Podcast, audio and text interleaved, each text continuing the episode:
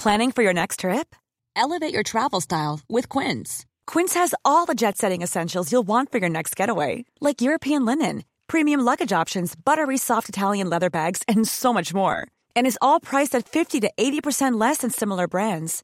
Plus, Quince only works with factories that use safe and ethical manufacturing practices. Pack your bags with high-quality essentials you'll be wearing for vacations to come with Quince. Go to quince.com slash pack for free shipping and 365-day returns. Hiring for your small business? If you're not looking for professionals on LinkedIn, you're looking in the wrong place. That's like looking for your car keys in a fish tank.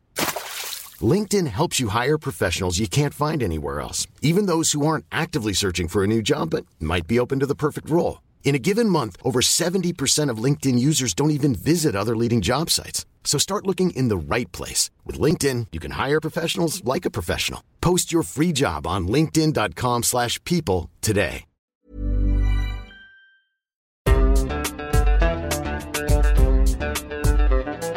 بودكاست صوت طول ما انت بره بلدك عمرك ما هتحسي بالاستقرار السر بقى بيكمن في إيه؟ في حاجات كتير. من ضمنها أنا وسط أهلي في مصر. ثانية واحدة ما هو أنت دلوقتي برضو ده الفرق اللي بيني وبينك. أنت هنا هم مش موجودين. أنا بالنسبة لي هم موجودين. الأهل أنت بتتكلم عن آه. الأهل. حلو أنا معاك. بس في نفس الوقت طيب ما هو هل أنت ضامن حتى وهم أهلك موجودين؟ أنت ضامن إن أنت قاعد. ما أنا قلت لك بالظروف اللي بتحصل في طرق كتير انك تقعد. الغربة خدت منك إيه؟ عمري. شوفي أنا لسه صغير بس خدت عمري. أنا ما عشتش اللي صحابي في مصر عاشوه. في ناس كتير فاكرة إن اللي عنده 36 سنة في الغربة زي اللي عنده 36 سنة في بلده. مستحيل.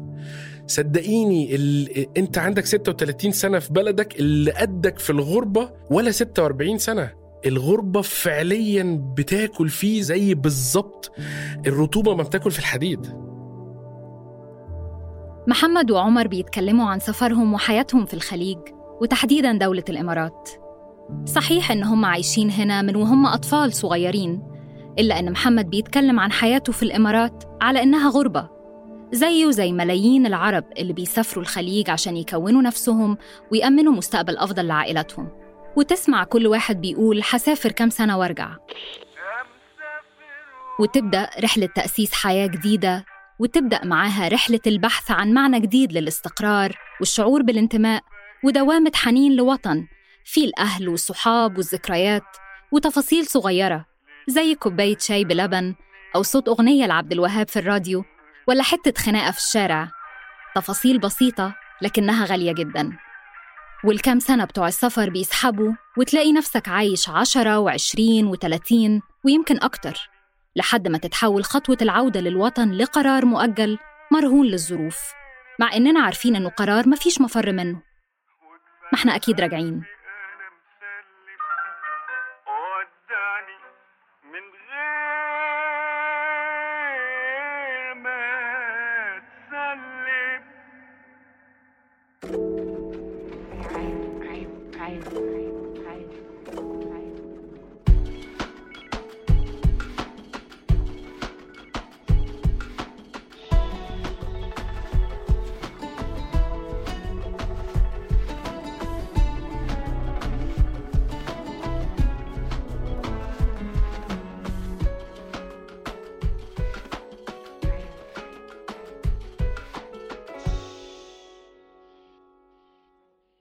عايزة أتأكد إن المايك محمد مش عامل distortion لأن هو صوته فعلا مع المايك لأنه قريب منه. بحاول قدر الإمكان لو خدتي بالك لا it's okay آه. عايزة أتأكد بس إنه مفيش خبط بيطلع من صوت ارفع المايك سيكا. لأن هو صوته قوي فعلا.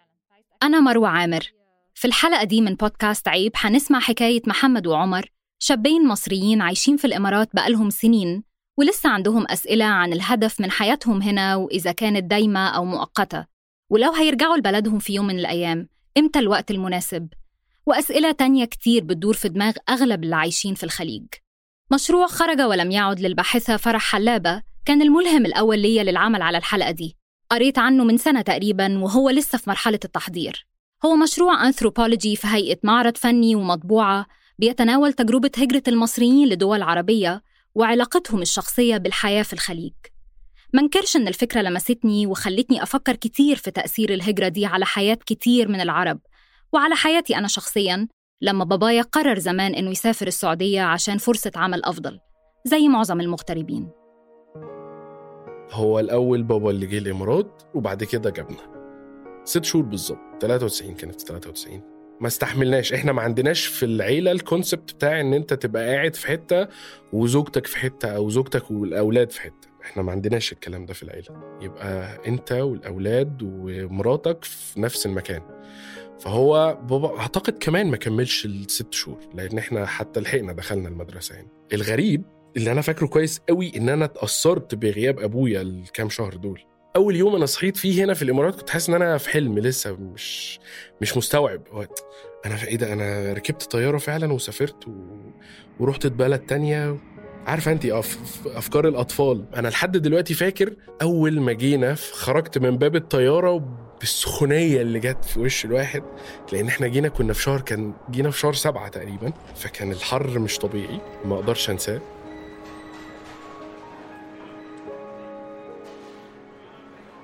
بنرجع لسنة 93 شهر يوليو عز الصيف ودرجة الحرارة بتتجاوز ال 35 وصل محمد هو ومامته وإخواته لمطار أبو ظبي الدولي. لحظة معظمنا ما بنقدرش ننساها. بتوصل لبلد جديد مليان مشاعر مختلفة حماس لبداية تجربة جديدة وزعل لوداع أهل وأصحاب وخوف من التغيير. كلها أفكار بتحييها لحظة الحر والسخونة اللي بيتكلم عنها محمد. نقدر نقول إنه فترة التسعينات والثمانينات شهدت ذروة سفر العائلات المصرية لدول الخليج بحثاً عن ظروف معيشية ومادية أفضل. والحقيقة إنه في الوقت ده دول الخليج كانت بتبحث عن أصحاب الكفاءات من مهندسين ودكاترة أساتذة جامعات ومعلمين وغيرها من المهن. يعني نقدر نقول منفعة متبادلة. والد محمد التحق للعمل كمعلم رياضيات في واحدة من مدارس إمارة أبو ظبي. نفس المدرسة اللي فضل يشتغل فيها لأكثر من 20 سنة. أنا كنت في نفس المدرسة اللي والدي كان فيها ما أنا والدي كان مدرس. فكان الموضوع بالنسبة لي أنا ظهري موجود. أنا سندي موجود معايا فأنا عادي قشطة مفيش مشكلة. عارفة انت الطمأنينة اللي موجودة علشان خاطر آه، حد انت بتحبيه موجود أو حد انت معتمد عليه موجود؟ بابا الله يرحمه. بابا كان صاحبي. قبل ما يكون أبويا أو هو يعني فترة لحد مثلا ما كملت 13 14 سنة كان أبويا. بعد كده بقى صاحبي.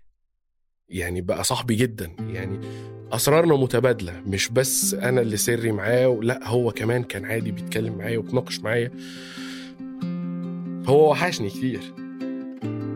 وأنا مفتقده جدا. شعور بالأمان والحماية والحنان سهل تحسه محمد بيتكلم عن علاقته بوالده. بالتأكيد علاقة قوية بيلعب فيها الأب أكتر من دور. إضافة لفكرة الصديق والسند هو رب الأسرة المسؤول ضمناً عن توفير حياة بيعتقد إنها أفضل لأولاده. هو أصلا ليه سافر؟ هو سافر علشان خاطر يخلي الولاد يعيشوا حياة تانية خالص ويربيهم في بيئة تانية خالص وفي حياة تانية خالص وفي شكل تاني خالص للحياة غير مصر. كان هو عنده حاجة آه، في كونسبت عنده كده في دماغه. أنا مش جاي علشان أحوش فلوس. أنا أبويا عمره ما حوش فلوس خالص. يعني الناس دايما تيجي تقول لك أنا مسافر الخليج علشان أأمن مستقبلي. لا لا لا خالص. بابا لما جه سافر هنا هو جه هنا علشان خاطر يستثمر فينا. على عكس تجربة والد محمد بابايا سافر السعودية من قبل ما يتجوز ويأسس عيلته. الأساس في السفر كان الوظيفة الأفضل. ومع الوقت بدأت تكتمل حياته هناك. زوجة وأولاد ووظيفة مستقرة وحياة اجتماعية هي أكتر حاجة عندي ذكريات معاها.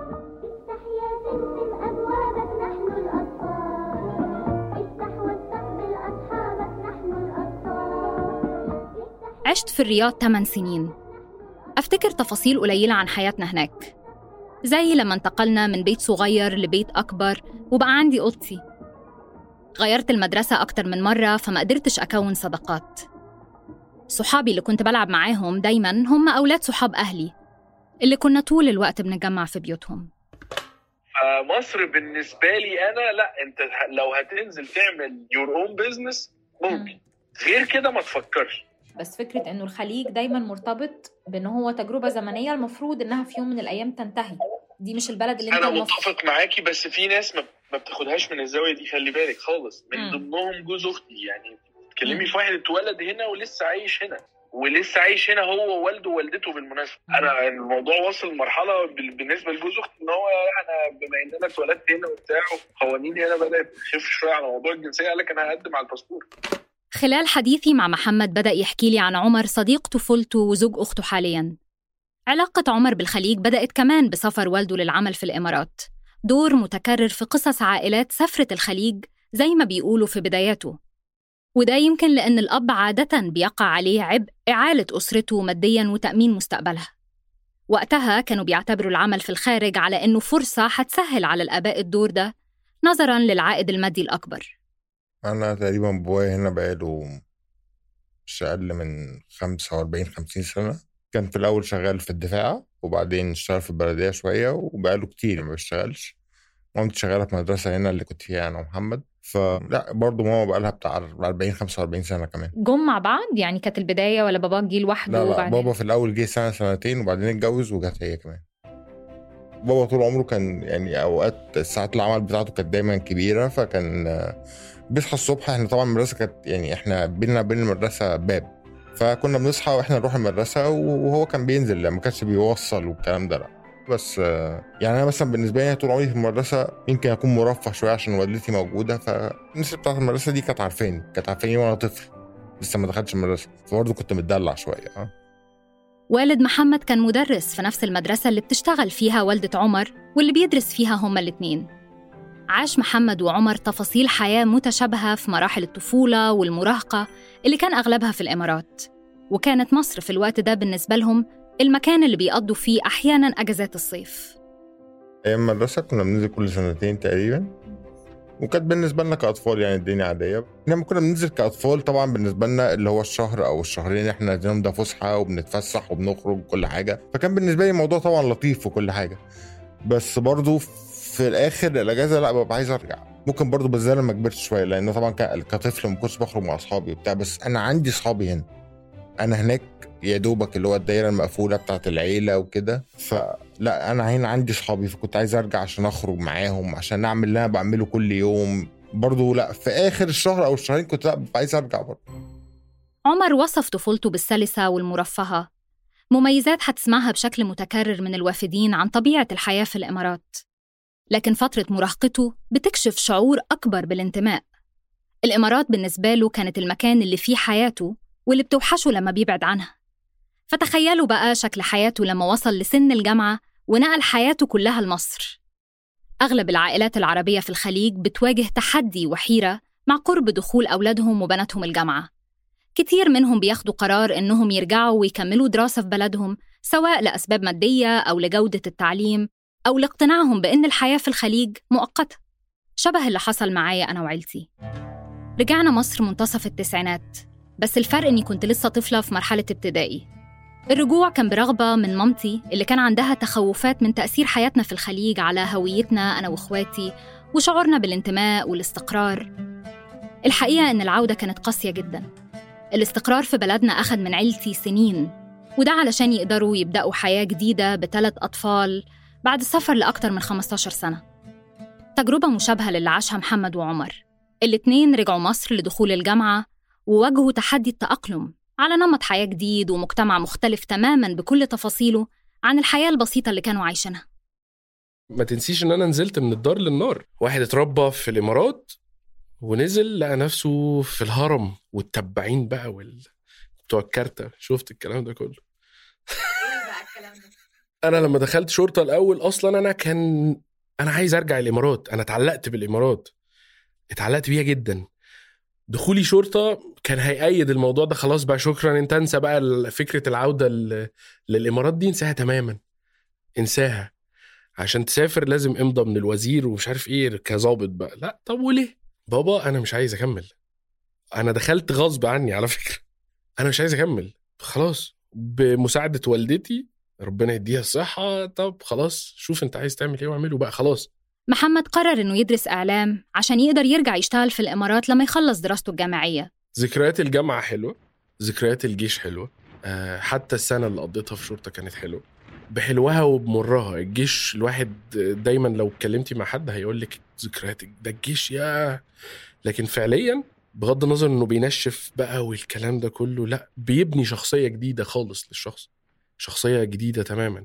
انت بتبدأي تتعاملي مع ناس انت عمرك في حياتك ما تعاملتي مع الشخصيات دي بفئات مختلفة. عمرك ما تعاملتي معاها. ذكريات كمان لما كنت رمضان. رمضان في مصر آه، زي ما بيقولوا حاجة تانية فعلا. كان ليا طقوس كده في رمضان أنا وابن خالتي تحديدا. مش طبيعية. كنا حافظينها بنعملها كل يوم. صحيح إن محمد كان عاوز يرجع لحياته في الإمارات بعد الجامعة. لكنه بيعتبر إنه قدر يبني ذكريات جديدة في مصر على عكس تجربة عمر. اللي حصل معايا في الجامعة كان دي بداية الكوارث وكده. أنا أول ما دخلت الجامعة دخلت الترشيح جالي على إن أنا داخل هندسة في مكان اسمه الخلفاوي. رحت هندسة الخلفاوي ده يوم وحصل موضوع كده تمام؟ وأول يوم أنا لسه داخل اللي هو فعلا ما عادش أكتر من دقيقتين. حصل موضوع كده وهي هي نفس المشكلة اللي, بتكلم عليها إن هو حد داخل أنا قبل ما أنت تشوف نفسك أنا هشوف نفسي عليك. فحصلت مشكلة وبتاع ومشيت روحت وقلت أستنى الترشيح لا بطاقات الترشيح لغاية ما تيجي عشان أعرف أنا فين. فجت البطاقة هندسة المنوفية.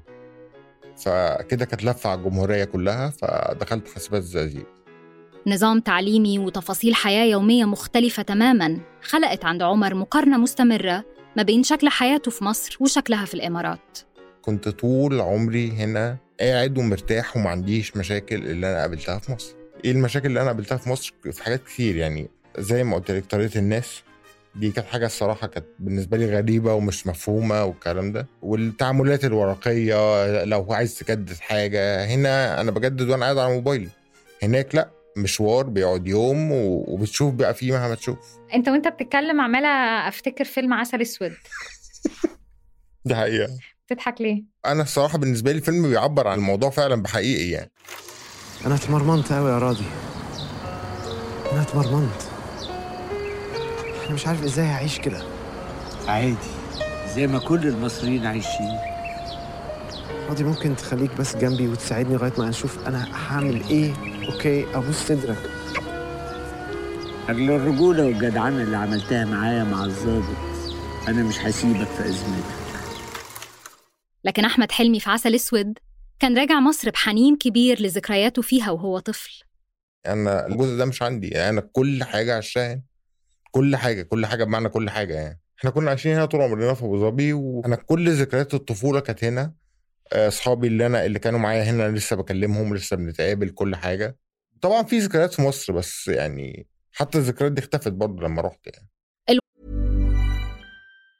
If you thought the only way to get a more defined jawline with natural looking results was through surgery, think again. Juvederm Volux XC is a non surgical injectable gel filler that improves moderate to severe loss of jawline definition and can help you achieve natural looking results with little downtime. Even better, this improved definition lasts up to one year with optimal treatment. No maintenance required. Improve jawline definition for a smooth, sculpted look with Juvederm Volux XC. For important safety information and to find a licensed specialist, visit juvederm.com. That's J U V E D E R M.com. Not for people with severe allergic reactions, allergies to lidocaine, or the proteins used in Juvederm. Common side effects include injection site redness, swelling, pain, tenderness, firmness, lumps, bumps, bruising, discoloration, or itching. There's a risk of unintentional injection into a blood vessel, which can cause vision abnormalities, blindness, stroke, temporary scabs, or scarring. Talk to a licensed specialist to find out if it's right for you.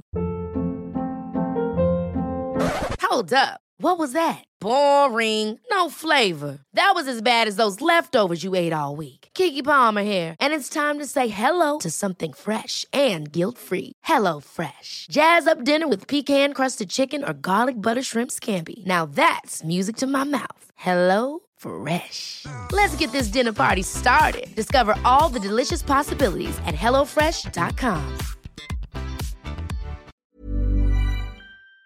واضح إنه كان صعب على عمر يتأقلم مع كل المفاجآت اللي لقاها في مصر ويمكن ده يكون طبيعي لأي شخص عاش حياته كلها في دولة تانية غير وطنه. وده اللي بنسميه هجرة. لو عملنا بحث صغير على جوجل وكتبنا من هو المهاجر هنلاقي معظم المصادر بتقول إنه الشخص اللي بينتقل عبر حدود دولية أو داخل دولة بعيداً عن مكان الإقامة المعتاد بغض النظر عن أسباب الحركة أو مدة الإقامة. لكن تجربة السفر للخليج عمرنا ما بنقول عليها هجرة. دايما بنتعامل معاها على إنها حياة مؤقتة ستنتهي يوما ما. زي ما بيقولوا حياة ترانزيت. بابا كان فعليا بيتعامل مع السفر على إن هو شيء مؤقت. وأكبر دليل إن هو مؤقت أكتر إن هو كان دايما يقول لي اعمل حسابك إن أنت كده كده راجع مصر. أنت كده كده راجع. ما يعني ما تفتكرش إن أنت قاعد براها كتير. سواء قعدت هنا في الإمارات أو قعدت في أي دولة تانية اعمل حسابك يا محمد إن أنت راجع راجع. إحنا جايين هنتربى هنا هنعيش هنا. بس في نفس الوقت لا أنا عادي أرجع. فاهمة الفكرة؟ أنا جاي عايش هنا. بس وقت ما أرجع لا أنا هرجع عادي عادي جدا مفيش مشكلة. أبويا كان بيحب الإمارات كأنها هي مصر فعليا. بس هو كانت مصر بالنسبة له أنا كده كده هتدفن فيها. قالها لي صراحة قال لي أنا لو مت ادفني هناك؟ والد محمد اتوفى واتدفن في مصر زي ما كان بيتمنى بعد ما رجع بأربع سنين فقط. وده خلاني أسأل عن إيه هي اللحظة اللي أخد فيها قرار الرجوع بعد 23 سنة غربة؟ هل كان له علاقة بأنه دوره كرب الأسرة بدأ يتغير؟ في الوقت ده محمد وأخته كانوا اتجوزوا وخلفوا بقى لكل واحد فيهم حياته. محمد استقر في الإمارات ولظروف خاصة مراته وأولاده استقروا في مصر. نفس اللي حصل مع أخته اللي كمان كانت قاعدة هي وأولادها في مصر وجوزها عمر مستقر في الإمارات. هنا ما فاضلش غير محمد ووالده تقريبا. أنا فجأة لقيت كنت أنا وهو لوحدنا. كان كلهم نزلوا مصر ماما وإخواتي وما كانش باقي غير أنا وهو. في مرة من المرات خلصت السنة الدراسية لقيت واحد بيقول لي محمد أنا هقدم استقالتي. خلاص أنا عملت اللي عليا. كده باللفظ أنا عملت اللي عليا. أنا راجع. يعني حس إن هو عمل اللي عليه. أنا علمتهم كويس وصلتهم الأماكن اللي هم نفسهم فيها. أنا مش عايز حاجة تاني. رجع مصر راح قعد في الجونة مريح دماغه. وكان بيشتغل في مدرسة في الجونة. عادي جدا. والحياة حلوة وقاعد وتمام ومبسوط. مش عايز حاجة تاني. بياخد والدتي تروح تقعد معاه شوية. هو كان فكرته كلها علشان ينزل مصر أنا عملت اللي ولادي عايزينه وعملت اللي أنا عايزه تجاههم. أنا استثمرت فيهم فعلا. فأنا خلاص خلصت. أنزل بقى. في خط موازي بيفضل عمر مكمل حياته في الإمارات بالرغم من إن مراته وأولاده عايشين في مصر. صحيح جزء من قراره يتعلق برغبته في إنه يكمل حياته في المكان اللي نشأ ويشعر بالانتماء ليه. لكنه مرتبط كمان بدوره كأب بيحاول يوفر لأولاده مستقبل أفضل حتى لو اضطر يعيش فترة بعيد عنهم. قرار بالتأكيد كان أسهل عليه لوجود والده ووالدته معاه في الإمارات. علاقة والدي بالإمارات حاليا ما هو مش عايز ينزل مصر حتى أجازات مش عايز ينزلها. ربنا يديله طول العمر بس هو بالنسبة له أنا عايز اقعد هنا أو لو ادفن هنا. الفكرة بتاعت عدم رجوعه مصر دي أيام الجامعة. لما نزل معايا هو برضه اتصدم بالواقع لأنه لأ هو الحياة مش زي ما سابها ومصر مش زي ما سابها وحتى الناس مش زي ما سابها. كان دايما بيقول لي عايزين نخلص عشان نرجع.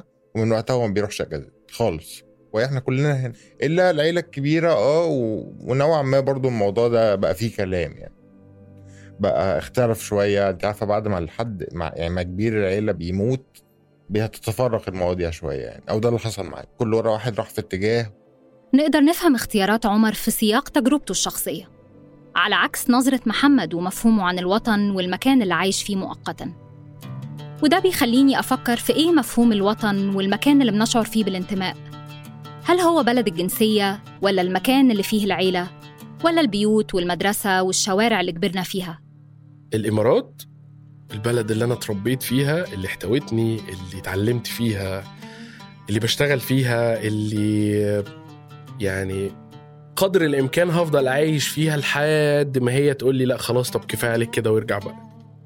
دي أحد الحاجات برضو اللي والدي ورثهاني إن هو محدش بيحط إيده في جيبه ويديك رزقك. تأكد من ده تماما. طول ما أنت متأكد منه أنت عمرك ما هتقلق وعمرك ما هتخاف. رزقك هنا هناك على القمر. فوقت ما تمشي وقت ما يمشوك بما إن إحنا بنتكلم على عدم الاستقرار أكيد ربنا كاتب لك الأحسن. فين؟ أنت ما تعرفش. بس أكيد هتشوفه. الفكرة دي ممكن تبقى واقعية لو هنتكلم عن الاستقرار في الخليج اللي عادة بيبقى مرهون بعقد العمل والتأشيرة. طول ما انت بره بلدك عمرك ما هتحسي بالاستقرار. يعني صعب قوي.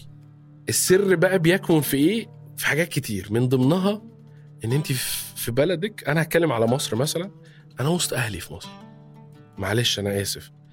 أنا وقت ما الدنيا تتكحرت بيا خالص لو أنا لوحدي ومش لاقي اكل هخبط على بيت أي حد من العيلة وأخش آكل. هل ده تقدري تعمليه هنا؟ تقدري تعمليه في أي دولة مش دولتك؟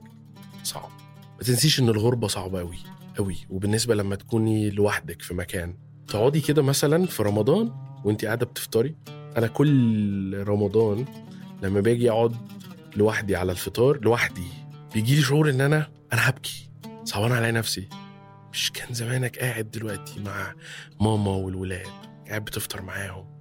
الإحساس ده لوحده بينقص في عمرك. فكرة الوضع المؤقت مش حلو.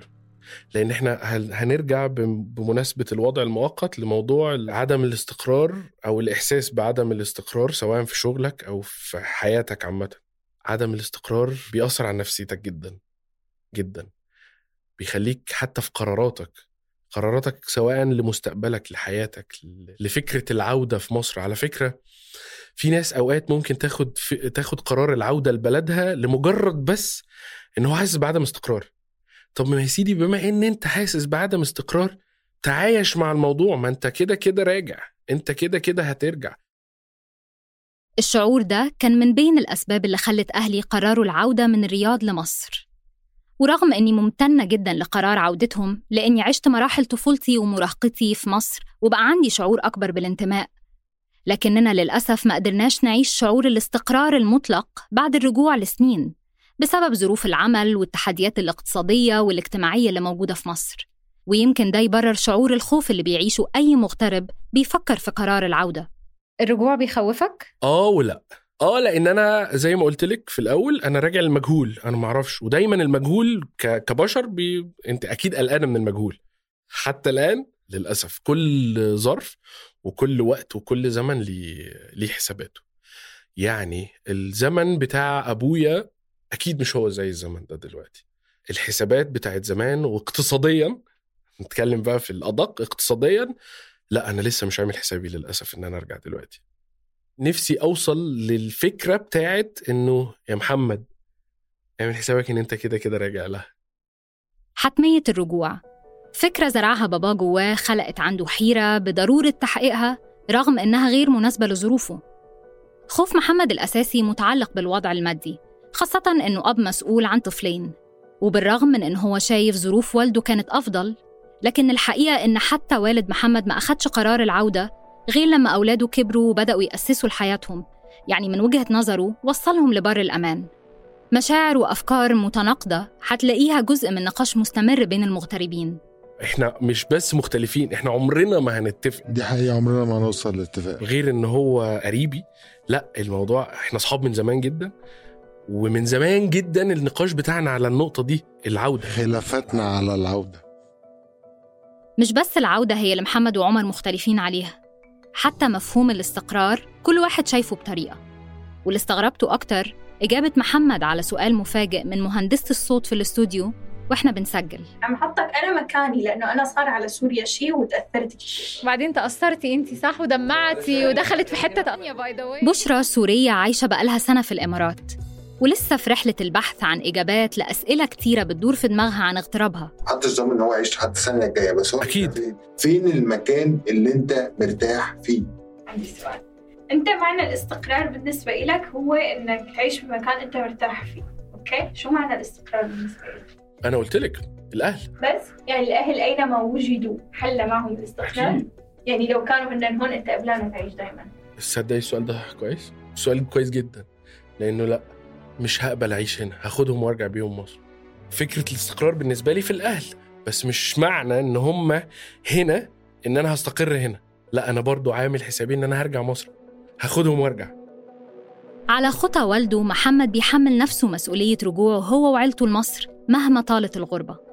دايرة سفر ممتدة بمدة زمنية مفتوحة واليقين الوحيد فيها إنها هتبدأ وتخلص في نفس النقطة.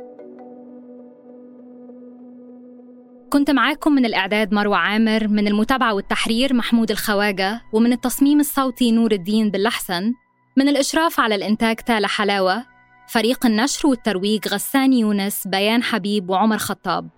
في بودكاست عيب بنحكي قصص معاشة فرضتها القواعد المجتمعية. لو حابين تسمعوا الحلقات تانية اشتركوا في قناة عيب على منصات البودكاست والأغاني اللي بتحبوها لو لسه مش مشتركين. بودكاست عيب من إنتاج صوت.